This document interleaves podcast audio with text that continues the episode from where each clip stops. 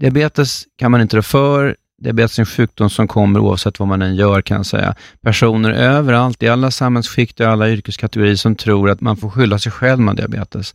Det är fruktansvärt att man ska få höra en sån sak.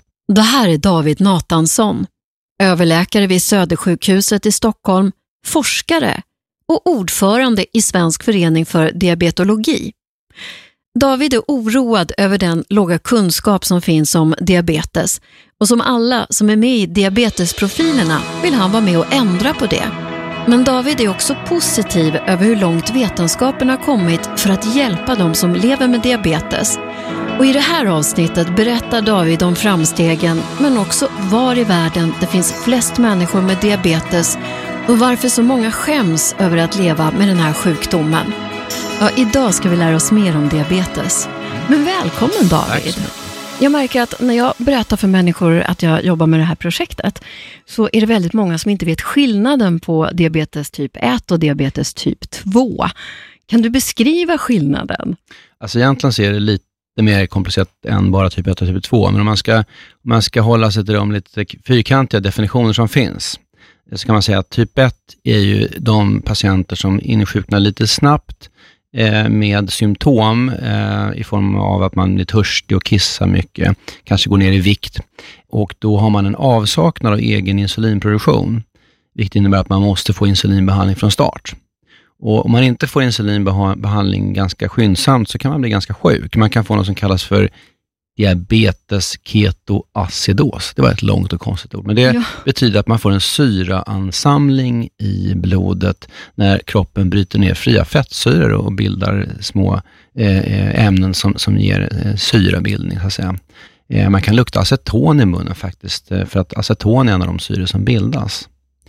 Så att det är det. Och typ 1-diabetespatienter insjuknar ju tidigare i typ 1-diabetes än typ 2-diabetes. Oftast kan man säga medianåldern eller medelåldern som insjuknar är runt 14 år i Sverige.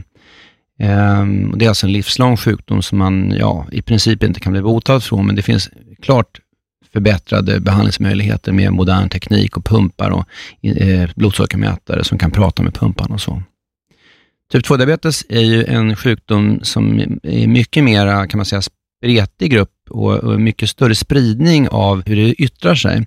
Man kan säga generellt sett så är det ju, drabbar det något eh, lite mer medelålders, kanske äldre, men man ska inte säga åldersdiabetes. Utan den här sjukdomen kan drabba även barn och ungdomar och det är faktiskt tyvärr vanligare och vanligare. I synnerhet i vissa folkgrupper som har en genetisk liksom, eh, predisposition, man säga, för den här sjukdomen. Då. Och typ 2-diabetes brukar komma lite smygande, sådär att eh, man kanske går till sin husläkare som säger att du har lite högt blodsocker. Då har man inte känt någonting, för det ligger precis lätt förhöjt. Och så man hör att du bör tänka lite på att äta bättre och röra på dig lite mer. Eh, och Sen kanske man får en tablett eh, och sen så byggs det på med mer och mer behandling. Och det är liksom lite målande för hur typ 2-diabetes brukar arta sig. Det är alltså en, en sjukdom som kommer lite smygande, börjar med något som man inte märker själv och sen blir det lite mer och mer och man behöver mer behandling och man får efter många års tid har man en insulinproduktion som är avtagande och man behöver också då insulin. Och efter många års tid med typ 2-diabetes så liknar typ 2-diabetessjukdomen faktiskt typ 1 ganska mycket hos mm. en del patienter. Men båda sjukdomarna leder till komplikationer som är väldigt likartade. Du sa någonting här om att det är mer komplicerat än att dela mm, in det mm, i mm, typ 1 och mm, typ 2. Mm. Det finns de som pratar om diabetes typ 3 också. ja, och, och jag vill säga typ Tre är eh, när man har en annan orsak som har givit diabetes, till exempel de som har en tumör i bukspottkörteln och opererar bort den. Opererar man bort bukspottkörteln så har man ingen insulinproduktion kvar och då får man en diabeteslik som är väldigt lik typ 1. Och Det brukar kallas för, ja, vi brukar säga lite, lite fint språk, sekundär diabetes, alltså en diabetes som orsakas av en annan orsak, som till exempel operation av bukspottkörteln. Graviditetsdiabetes då? Ja, och det är ytterligare en grupp av diabetes. Så det drabbar då eh, gravida kvinnor som har en, en eh, ärftlighet för typ 2-diabetes ofta. Och Då får man då under graviditeten ökad motståndskraft mot det egna insulinet och, och, behöver då behandling antingen med en tablett som heter Metformin som man behandlar typ 2-diabetes med eller med insulin. Under graviditeten är vi otroligt noggranna med att blodsockret ligger perfekt att vi kollar fostret så att det inte tillväxer för mycket, för det är det som är den största risken med eh, graviditetsdiabetes. Sen går graviditetsdiabetes över efter förlossningen och sen ska man tänka då, och den, som, den kvinna som har drabbats av det, ska tänka på det resten av livet, att hon har en klart ökad risk för att få typ 2-diabetes senare i livet. Peter Gide kallade typ 3-diabetes att det var anhörighetsdiabetes också. Ja, det, det kan man ju, det, det, är en ny benämning. Det är bra. Eh, man, jag tycker att det är viktigt att, att få med de anhöriga, eh, extended family och, och, vänner i den här sjukdomen, för att det är så otroligt viktigt att eh, vi ökar kunskapen om det här och både förståelsen, ta bort fördomar och vi kan hjälpa folk som faktiskt drabbas av en komplikation, till exempel blodsockerfall, kan säkert rädda liv på det sättet faktiskt. Vi ska prata mer om det sen mm. tänkte jag. 50 000 människor i Sverige är drabbade av diabetes typ 1 och 400 000 har diabetes typ 2. Mm. Men så pratas det om dold diabetes också. Mm. Hur många har det då? Ja, det är omöjligt att svara på den frågan. Alltså, vi, har, vi har inget som mäter det. Man kan säga dold typ 1 är nog ganska ovanligt eftersom att typ 1 debuterar ganska snabbt. Man blir ganska sjuk ganska, på ganska kort tid. Så det är, det är inte så många åt gången som har det. Däremot kan man säga att eh, människor som går omkring och har lätt förhöjda blodsocker som, har, som kommer att utveckla typ 2-diabetes eller har en mycket lindrig typ 2-diabetes, de är nog betydligt fler. Så det, det är klart det går att beräkna det, men jag tror att jag passa lite på att mm. chansa på att svara på den frågan. Det blir lätt att man hamnar lite fel där. Men om man har lite högre blodsocker, mm. mår man bra då? Man känner inte av det. Om man, om man har ett blodsocker som inte är så högt, så att man kissar mer än i vanliga fall, då märker man inte så mycket. Men det ska sägas att det ändå stressar kroppen och stressar blodkärlen. Därför är det väldigt viktigt att, att vi upptäcker det här i tid och kan sätta in behandling innan man får för höga blodsockervärden som ger symptom. För om man fått symptom, då är blodsockervärdena ganska mycket för höga. Men var går gränsen då mellan vad som är friskt och vad som är sjukt? Bra fråga. Vi, det är ju så att vi går ju på, på riktlinjer som WHO satt upp i enlighet med, med experterna runt om i världen. Och då har man vissa kriterier som säger när man har en, en viss gräns som säger när man har diabetes. Och då, de gränserna är satta efter risk för att få komplikationer kan man säga. Och, och de gränserna har hållit ganska länge. Vi har, till, vi har lagt till något kriterium sedan 2014 då, men annars har kriterierna varit ganska stabila. Mm. Sverige har näst högst andel med diabetes typ 1 i världen. Hur kommer det sig? Mest är ju Finland och sen kommer Sverige faktiskt eh, tror jag, Sardinien. Eh, och där har man spekulerat väldigt mycket kring, hur kommer det sig att typ 1-diabetes är mycket vanligare i, i, länder i norra delen av världen? Det är ju genetiska faktorer framförallt, allt, tror jag på. Eh, en del spekulerar kring miljöfaktorer. Det finns många teorier och avhandlingar som har studerat det här, vad som gör att man får typ 1-diabetes. Jag kan säga att Anledningen till att man får typ 1-diabetes, det är nog, man brukar säga för med fikonspråk, multifaktoriellt. Alltså det finns många orsaker som kan ge upphov till den här sjukdomen. Så det är lite komplext. Men det finns helt klart en, en, en gradient där det är mycket vanligare med typ 1-diabetes i länder som ligger i norra delen av världen, framförallt norra Europa kan jag säga. Och det tror jag beror mycket på genetik. Men då, nu vet inte jag om det här stämmer, men 75 procent av människor som lever med diabetes bor väl annars i låg och medelinkomstländer? Ja, och det är ju typ 2-diabetes vi pratar om då. Eh, och man kan säga att det är också väldigt eh, betydelsefullt vilka föräldrar man har. Man kan inte välja sina föräldrar tyvärr, eller som tur är. Så att genetiken är viktig för typ 2-diabetes, men också då vad man äter, hur mycket man rör på sig. Och i delar av världen där man har gener eh, som har gjort att det varit bra att klara sig längre tider utan mat och klara svält helt enkelt. När man har ändrat då livsförhållanden, att man har mer kontorslika arbeten, man äter mat som är fet och innehåller mycket kolhydrater, så går man upp i vikt och då utvecklar man då i de här befolkningarna eh, väldigt mycket typ 2-diabetes. Det är intressant men, men lite tråkigt då att vår, vårt livssätt att, att sitta still och äta mycket eh, energirik mat ger upphov till sjukdomar. Jag hörde någonstans att det är fler som dör av övergödning än svält i dagens i världen idag. Det kan förstås ändras, men, men det, det har jag hört. Oj. Men om man sover bra, äter bra, inte stressar, mm. Mm. rör på mm. sig, mm. får man diabetes 2 då? Alltså man kan ju faktiskt inte hjälpa att man får typ 2-diabetes, eftersom det är så mycket gener som spelar roll också. Det finns en del som är smala och vältränade som får typ 2-diabetes också, men givetvis, de viktigaste riskfaktorerna, eller orsakerna till att man kan få typ 2-diabetes, är ju att man går upp i vikt, övervikt, eh, rör sig lite, lite fysisk aktivitet. Så att det är klart man kan påverka det väldigt mycket. Nu brukar jag säga till mina patienter att man kanske inte ska se sig som allt för sjuk man får diagnosen diabetes, både typ 1 och typ 2, eh, utan man ska se det som ett tillstånd som ökar risken för att få allvarlig sjukdom. Men till skillnad från andra kroniska sjukdomar så har du som patient möjlighet att påverka utgången väldigt mycket. Du kan påverka utfallet genom att leva på ett sunt sätt, vi träffas, eh, vi vårdgivare, du som patient och du, du får, till, får, får till en bra kontroll på dina blodsockervärden och ditt blodtryck, dina blodfetter och inte röker och så vidare. Då kan man göra väldigt mycket och, och påverka utfallet jättemycket. Men man kan inte säga att eh, typ 2-diabetes borde inte finnas överhuvudtaget? Nej, det vill jag inte säga. Jag vill absolut inte skuldbelägga någon som lever med typ 2-diabetes. Det faktiskt finns många andra faktorer och det tycker jag är ett viktigt led i den här kampanjen, att vi, vi måste förstå att det är ingens fel att man har diabetes. Det kan man inte rå för. Det är gener och andra miljöfaktorer som styr och de som drabbas ska få den bästa hjälpen. Mm. Du säger att på norra jordklotet är det vanligare med typ 1-diabetes. Som eh, Sverige, Finland eh, till exempel, Storbritannien och så vidare.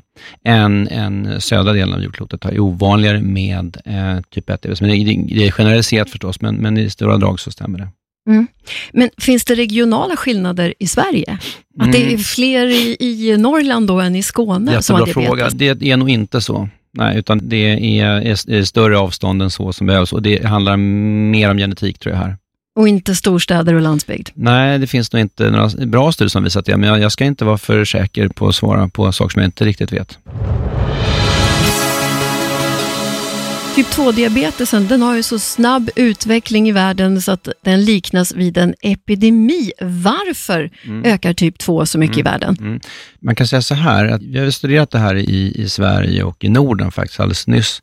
Och det man ser är att det som man kallar för prevalens, alltså förekomst av sjukdomen typ 2-diabetes, den ökar faktiskt markant trots att insjuknande hastigheten, det som i annat fint språk kallas för incidens, ligger stabil, eller till och med i vissa håll minskar lite. Då tänker man, hmm, vad beror det här på? Ja, jo, det beror nog på att man lever längre med typ 2-diabetes. Man lever längre med diabetes överhuvudtaget. Dödligheten har minskat markant under de sista decennierna.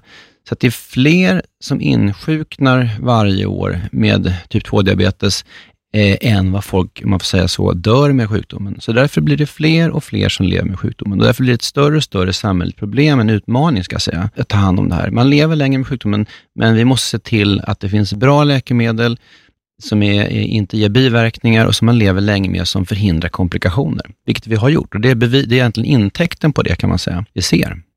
Jag har hört att risken att insjukna i typ 2-diabetes ökar vid flytt från ett annat land. Mm.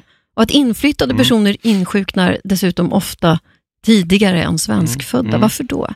Ja, att det är så, det känner vi till, men varför? Det, det studerar vi fortfarande och det, det, är lite svårt att säga, men man kan ju spekulera i att mm, eventuellt stress kan utlösa det här, att det är en stress att byta land. Eh, fysiologisk stress med ökad, ökade produktion av stresshormon som kortisol, kanske andra stresshormoner.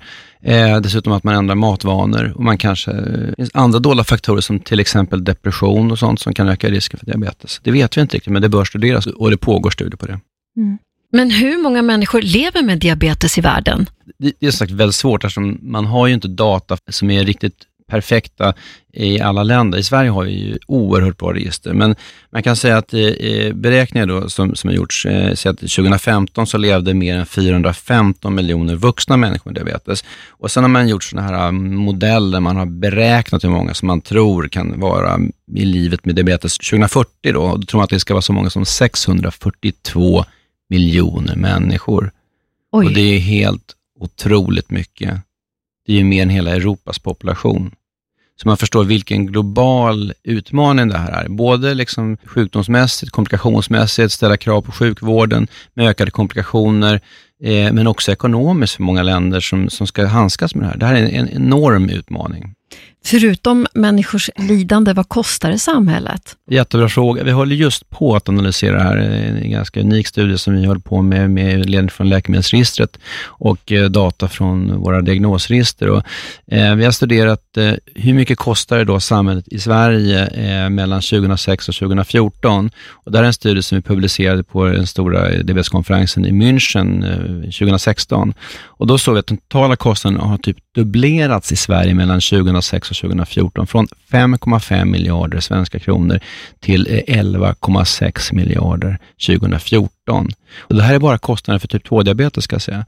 Då har alltså förekomsten av eh, läkemedelsbehandlad typ 2-diabetes gått upp med i den här studien då 74 procent, vilket är helt fantastiskt mycket. Och det, det förklarar den här dubbleringen. Så att en mycket stor kostnadsökning under de här åren på grund av en ökad förekomst av typ 2-diabetes i, i Sverige. Sen har vi sett då också att ökningen av kostnaden per patient sker också, inte lika mycket, den är inte dubblerad, men den ökar också. Och man kan säga att anledningen till att kostnaderna ökar, det drivs av komplikationer, det vill säga att man kommer in på sjukhus till följd av hjärtinfarkt, stroke eller fotsår. Det är de saker som verkligen kostar pengar läkemedelsbehandlingskostnaden, det vill säga det är alltså pengarna som det kostar eh, för läkemedel som sänker blodsockret, blodtryck och för att förebygga hjärt-kärlsjuka, det är bara 5% cirka av totala kostnaden av, av all kostnad för diabetes typ 2. Så det är en liten del som det kostar att förebygga sjukdomen, men när man väl får komplikationer så kostar det väldigt mycket. Men betyder det att det är fler som missköter sin diabetes typ 2 idag? Jag säger inte att det är fler som, nej det skulle jag inte riktigt vilja säga faktiskt, utan den största delen av kostnadsökningen beror på att det är så många fler som lever med diabetes. Men också så tror vi, vi har inte riktigt kunnat analysera det än, men Trots att de som vårdas på sjukhus vårdas kortare tid på sjukhus, så kostar vården mer. Och Det tror vi kan bero på att man gör mer åtgärder, vilket är bra, men man har mer avancerad vård, man, man gör mera ballongvidgningar, man gör mer hjärtkirurgi, man gör mer avancerade ingrepp, man gör mer beha avancerad behandling vid stroke och så vidare, vilket är bra, men den sjukhusbaserade vården blir mer och mer intensiv och eh, effektiv förstås också. Men du säger ju samtidigt också att diabetes typ 2 har ökat med 74 4 procent ja. på en väldigt kort tid. Ja, jag, ska säga en siffra, men lite försiktighet, för man beror lite på vilket, vilket år man utgår ifrån och vad man mäter. Men i den här studien, just den här specifika, när vi utgick från året 2006 till 2014, så såg vi en ökning av förekomsten av läkemedelsbehandlad typ 2-diabetes med så många procent. Så att det beror på vilket år man utgår ifrån och vad man mäter. Så man, man kan säga, man ska vara lite försiktig när man säger exakta tal, men, det, men summan av kardemumman är att förekomsten av typ 2-diabetes ökar markant hela tiden beroende på att vi lever längre med sjukdomen och det är många som insjuknar varje år. Hur gör man i fattiga länder där man inte har råd att köpa insulin? Ja, det är en bra fråga. Det är förstås att komplikationsrisken är mycket högre i stora delar av världen där man inte har möjlighet att behandla med moderna läkemedel. Nu är insulinet eh, visserligen dyrbart och svårframställt Eh, framställt eh, läkemedel, men det finns ju i stora delar av världen. Det finns i största delen av världen. Däremot kan man säga att de modernaste läkemedlen, framförallt mot typ 2-diabetes, de är ju, är ju inte tillgängliga i vissa delar av världen. Så det är väldigt ojämlikt här. Det är det som är tråkigt. På det globala planet är det svårt kanske för oss att, att, att göra direkta insatser. Vi, ska försöka, vi verkar ju förstås för att det ska det ska finnas möjligheter för alla runt om på vårt jordklot att kunna leva lika länge med diabetes. Eh, vi jobbar också förstås och har större möjlighet påverkan när det gäller jämlikhet i Sverige, för det finns ojämlikheter även i Sverige faktiskt, på vissa typer av behandling. Men vad då? på vilket sätt är det ojämlikt i Sverige? Det finns regionala skillnader, dock inte enorma, men det finns regionala skillnader. Liksom, till exempel har vi sett det eh, i förekomsten av att man förskriver såna kontinuerliga sockermätare eh, och förskrivning av nya läkemedel för typ 2-diabetes. Det finns regionala skillnader och, därför, och, det, och det beror nog på vår organisation av sjukvården, att vi har landsting och regioner. Eh, jag tror att det var bättre om vi hade haft en och samma, en statlig sjukvård, men det, det är en annan fråga. Det handlar väldigt mycket om att sprida information om diabetes. Mm. Men vilken information är den viktigaste att få ut, tycker du?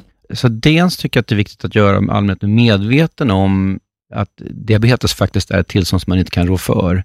Det får inte vara skämmigt att ha diabetes. Man måste liksom kunna tala om det för alla, alla vänner och kollegor och så vidare.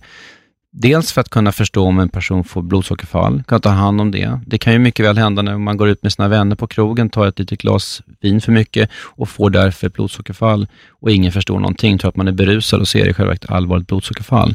Det är jätteviktigt att vi sprider information om att det finns patienter som lever med diabetes, som har insulinbehandling, som kan få blodsockerfall. Hur gör vi med dem? Så Det tycker jag är en, en viktig sak. Det är många som pratar om att de skäms mm. över sin diabetes. Mm. Du var inne på det här också. Mm.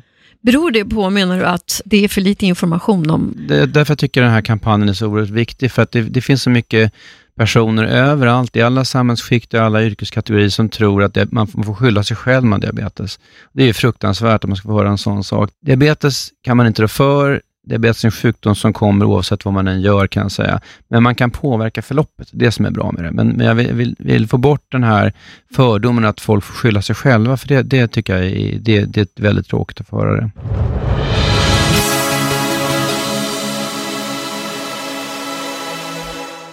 Du säger att man kan påverka diabetes typ 2.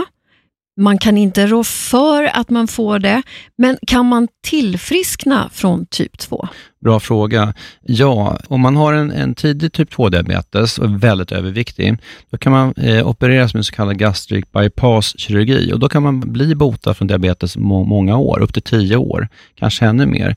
Då skulle jag säga att man är då botad för diabetes, men man har kvar riskfaktorn, en bakomliggande riskfaktor för att få det igen förstås. Och många går ju upp en del i vikt över tid efter en sån här operation och alla kan inte bli opererade heller kan jag säga.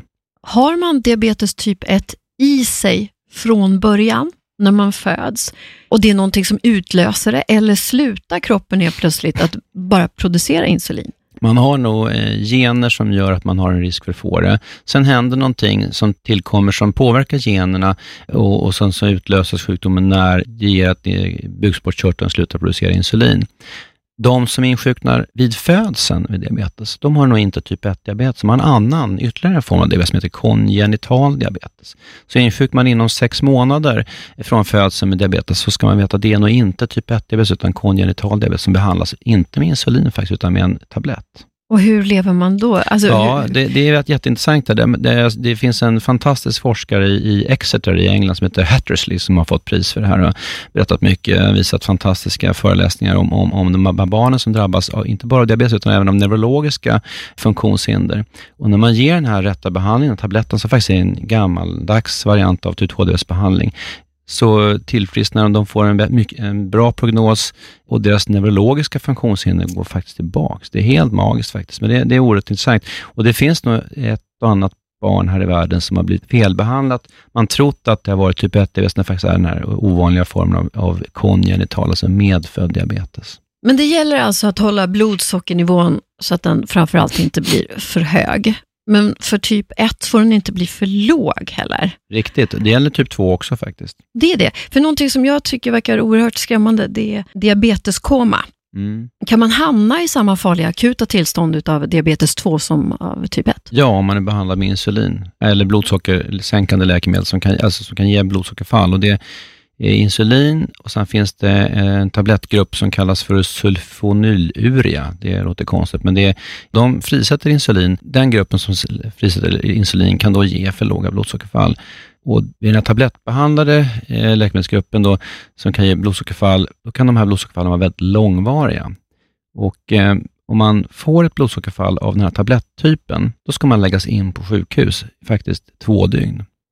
Men som sagt, det vanligaste är att man får blodsockerfall av insulinbehandling och det allra vanligaste är att man har det när man är typ 1-diabetespatient. Nu har vi eh, fått större tillgång till, det har ju funnits ett tag, men, men till en, ett fantastiskt hjälpmedel för typ 1-diabetespatienterna och det är den här kontinuerliga glukosmätningen, som många har säkert hört talas om. Det är en mätare som mäter vävnadssocker hela tiden. Och Det finns mätare som varnar då när man kommer ner i de, de farligare låga nivåerna, som varnar personer som har diabetes och, och då kan man åtgärda det och det minskar risken dramatiskt faktiskt för att få farliga blodsockerfall. Men man ska ha allra största respekt för, för blodsockerfall och de som har störst risk för att få det, det är de som har haft diabetes lång tid och då har man ofta ett, ett tillstånd som kallas för hypoglykemisk omedvetenhet ett jobbigt ord, men det betyder att man inte kan känna de här eh, ringklockesignalsymptomen som man ska få när man får lågt blodsocker. Vad är då de här ringklockesymptomen? Det är när man blir darrig, skakig, kallsvettig, hungrig och så vidare. Och De symptomen är jobbiga, men de är bra att kunna känna och kan man inte känna dem, då kan man få ännu lägre blodsocker, så man blir liksom snurrig i huvudet och inte vet vad man ska göra och inte agera korrekt. Och Då kan man få ett farligt blodsockerfall. Och det är då man kan hamna i diabeteskoma? Yes. Men har man fått sådana här svåra blodsockerfall då ska man, alltså, och har typ 1 diabetes, diabetes i alla fall, så ska man få en sån här kontinuerlig glukosmätare. Det verkar ju som att flera som jag har pratat med som har diabetes 1, de är ju oroliga för att människor runt omkring dem inte ska veta vad de ska göra för någonting mm. ifall de får mm. för lågt socker och hamnar i, i det här läget. Mm. Och Det verkar som att en del aldrig har varit där, medan andra har varit där många gånger. Mm. Mm. pratas om de som åker in med ambulans en gång i mm. veckan. Mm. Vad är det som gör att det är så individuell skillnad? Det, det är just det som jag är inne på, det här med att man har den här hypolykemiska omedvetenheten, att man inte kan känna symptomen, de här ringklockesymptomen, då är det mycket farligare. De ska få de här eh, kontinuerliga blodsockermätarna. Jag är rätt säker på, ja, vi har inte än så länge data på det, men när, när en större del av typ 1 diabetespatientgruppen har fått de här mätarna, då tror jag att vi kommer minska de allvarliga blodsockerfallen med stor andel. Och En sak till som är väldigt positiv faktiskt, det är att det kommer nu alldeles snart, och det finns redan en, en pumpar som är kopplade till kontinuerliga blodsockermätare som kan stänga av sig eh, när blodsockret sjunker för mycket och sätta på sig igen när blodsockret stiger. Den pumpen finns redan, men det kommer inom några år så finns det även pumpar som kommer att justera sina basinsulinnivåer, alltså de här basinsulin som ligger och tickar hela tiden, efter blodsockret. Det är helt fantastiskt. Det är alltså en helt ny, det är en revolution av typ 1 behandling som är på gång. Så då ska man inte behöva sitta och räkna så mycket. Nu har jag ätit så här mycket kolhydrater och så har jag spelat tennis och då mm. behöver jag ha si och så ja, mycket. Det här med kolhydraträkning är intressant. Det fortsätter vi att rekommendera att de gör då, de som har pump i alla fall, även de som har pennbehandling som har typ 1-diabetes. Därför att de här pumparna kommer troligen inte kunna ge måltidsdoserna utan att man talar om för för pumpen hur, hur mycket jag har ätit, för det kan inte pumpen veta i sig. Men däremot så kommer vi, det tror vi i alla fall, att de här nya pumparna som, som justerar eh, den här basinsulinnivåerna, alltså det insulin som tickar hela tiden, vid sidan av måltidsinsulinet, de kommer ha mer del basinsulin och det kommer lite mindre måltidsinsulindel eftersom det, det är så mycket som pumpen sköter. Dock ska man säga att det finns inga pumpar som gör att man kan bli helt fri från att sköta sin Man måste alltid checka av, sköta pumpen, byta nål och så vidare regelbundet. Och man kan inte låta den ta hand om allting, utan man måste vara med i matchen. Man måste integrera eh, sjukdomen, eh, liksom pumpen, i sitt eget medvetande. Det är då det blir som bäst. Jag måste gå tillbaka till det här med diabeteskoma. Mm. Blir det några men om man hamnar i ett diabeteskoma? Ja, ett enda diabeteskoma som, som hävs ger inte några större påverkan, men jag måste ju tala sanning så att det kan vara farligt att få det om man får ett okontrollerat långvarigt diabeteskoma. Det kan det förstås vara. Som tur är så ser vi det oerhört sällan. Mm. Men vad blir det för men då? Alltså, I allra värsta fall så kan man få bestående hjärnskador. Om man får långvariga blodsockerfall som är okontrollerade utan att någon finns i närheten. Det har tyvärr inträffat i enstaka fall. Det är otroligt ovanligt jag har under mina många års tid som internmedicinare, diabetesdoktor, bara stött på ett fåtal som har riktigt allvarliga hjärnskador, men man kan få det. Och eh, dessutom så kan man faktiskt, om man är äldre och hjärtsjuk, så kan man faktiskt avlida i form av en hjärtrytmrubbning. Och det gäller de som har hjärtsjukdom och i synnerhet hjärtsvikt samtidigt, som har en ökad risk för hjärtrytmrubbningar. Så därför ska vi vara väldigt försiktiga med att låta våra gamla patienter som har hjärtsjukdom ha läkemedel som kan ge svåra blodsockerfall. Och det var den här gruppen av läkemedel som jag var inne på tidigare som heter sulfonyluria. Jag tycker egentligen att de bör inte ha den typen av läkemedel, utan de ska ha andra läkemedel som inte ger biverkningar. Vi var inne på det här med döden förut. Mm -mm. Innan 1922 när man började medicinera så dog man inom något eller några år av mm. diabetes typ 1. Men hur många är det som dör idag? Mm. Det där är ju en helt fantastisk utveckling måste jag säga. Saknar nästan motstycke i den medicinska historien. Om man tänker sig där, runt 1922 när McLeod och eh, Banting och McLeod syntetiserade eh, insulin då, så, så dog man ju då i det här som jag kallar för diabetes ketoacidos, alltså syransamling av diabetes, väldigt snabbt. Vi pratar om typ 1-diabetes alltså. Sen kom insulinet och man började behandla med insulin. Man tyckte att det räckte, ville ge någon spruta per dag lite grann sådär. Sen var det en doktor på Södersjukhuset här, så här uppe i backen där jag jobbar, som satt själv, inte själv, men han, han, han tänkte på sin kammare, Vore det inte bra om vi försökte behandla med lite fler sprutor per dag än en till två sprutor och att vi sänkte blodsockret lite mer så att det låg närmare normalt blodsocker istället för att släppa upp det till 12-15 millimol per liter som är väldigt högt. Då. Så han, gjorde, han var först i världen då. Han satt här själv, var en entusiastisk kliniker som tänkte, han såg sina patienter som blev, trots att de fick insulin, blev sjuka, blev blinda, fick njursvikt och så vidare. Så han satte igång med den här studien, Stockholmsstudien som den heter. Det var alltså den första studien i världen som där man gjorde det här. Det är inte stor skala, ja, drygt 100 patienter som var med. De lottades till behandling, intensivbehandling med insulin med flera sprut per dag mot den gamla behandlingen. Man visste ju inte vad som var bäst. Och han visade då för, för några decennier sedan då att, att det var en klar effekt på utveckling av komplikationer gällande ögon och njurar och så. Sen kom den, direkt efter kom en amerikansk studie som kunde bekräfta det här. Och sen kan man säga att det skedde ett paradigmskifte. Att vi försökte behandla mer intensivt. Alla fick fyra sprut per dag. Vi försöker komma ner på normala blodsockernivåer. Om jag läser en medicinsk textbok i internmedicin då, från eh, kanske 60-talet, så står det ofta att det är högst osannolikt att en person med typ 1-diabetes som är insjuknat i barnaåren överlever sitt tredje eller fjärde decennium. Så kan man säga nu, om man tittar på våra register, nationella diabetesregister som är ett mycket bra register, tittar på hur länge man lever eller förväntad överlevnad vid typ 1-diabetes, så skiljer det bara något år per år. Och Det finns en finländsk studie som kom för några år sedan som är väldigt uppmuntrande. Om man har levt, lyckats leva länge med typ 1-diabetes, och det här gäller också typ 2-diabetes, eh, utan komplikationer, utan någon som helst äggvita urin eller någon som helst andra riskfaktorer, så har man kanske faktiskt en lika eller till och med något mindre risk än bakgrundsbefolkningen att få hjärt-kärlsjuka. Dock ska jag säga att när man får sin sjukdom från början så har man en klart ökad risk för att få andra komplikationer. Man lever trots allt en, en kronisk sjukdom, men man lyckas man leva genom, genom att ha bra kontroll på blodsocker, bra blod, kontroll på blodtryck, blodfetter, inte röka, äta rätt och träna. Ja, ni hör att det är väldigt mycket man måste göra, men, men om man lever så perfekt och lyckas med det tills man är 65 år, då, då har man därefter troligen en, en mindre risk, för då är man en frisk person helt enkelt. Så man kan säga sammanfattningsvis att den förväntade livslängden för en person med typ 1 och även typ 2-diabetes är nog bara några år mindre än de som inte har diabetes på gruppnivå. Men förstås är det stora individuella skillnader.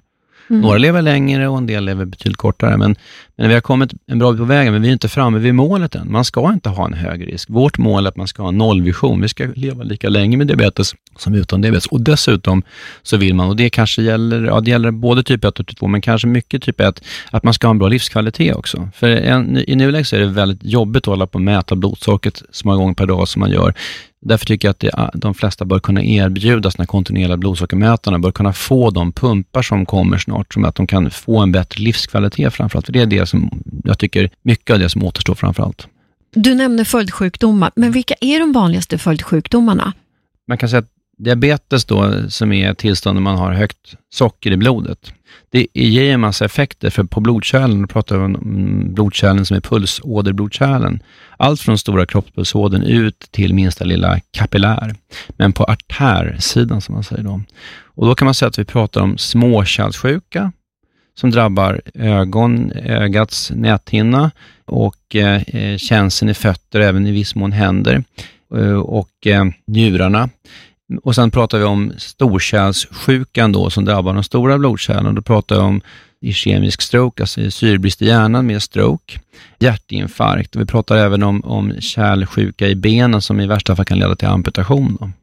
Jag undrar ifall forskningen satsar på att få fram fler hjälpmedel eller satsar den på att hitta ett sätt att bota diabetes? Ja, både och ska jag säga. Alltså, den eh, forskning som kanske läkemedelsindustrin driver handlar mer om att, att hitta läkemedel som behandlar diabetes.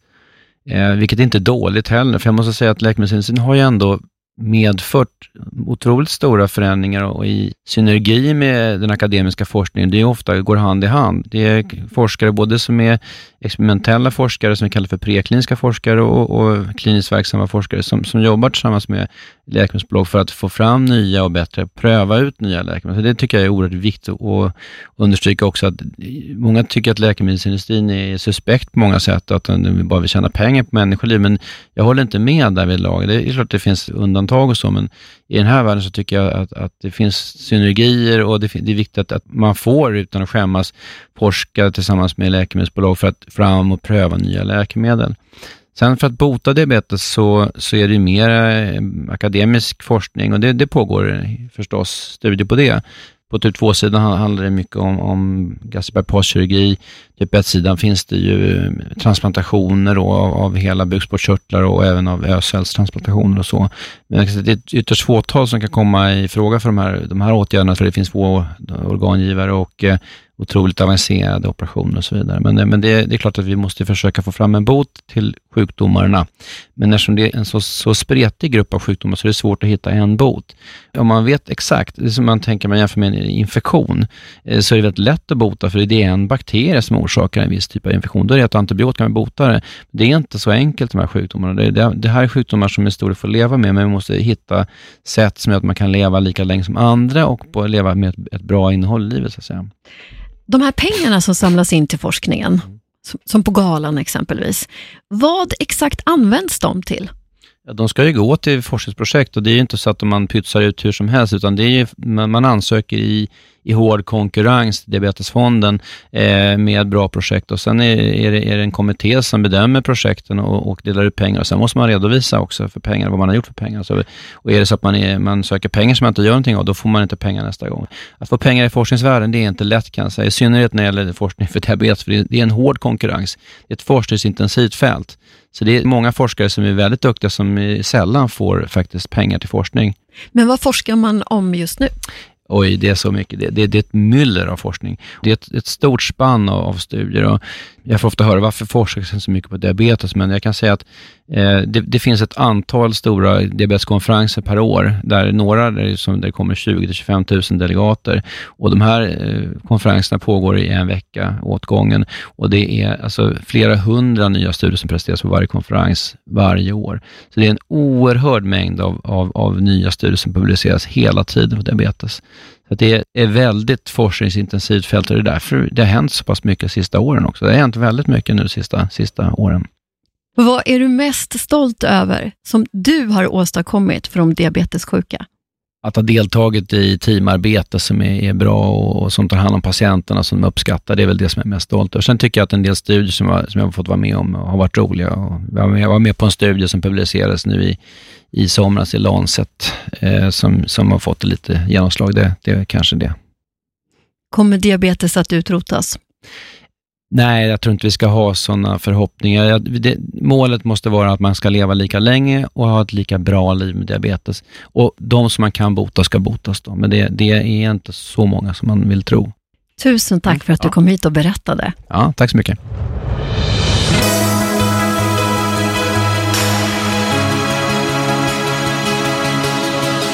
David Matansson vill också tillägga att eftersom det tros så mycket om diabetes ska man alltid vara kritisk till var man hämtar sin information. I diabetesprofilerna nästa tisdag träffar vi näringsfysiologen Fredrik Paulun och jag kan lova redan nu att det kommer bli många tips på bra mat.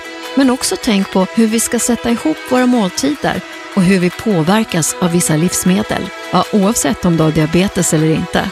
Hoppas vi hörs då. Produceras av I Like Radio. I like radio.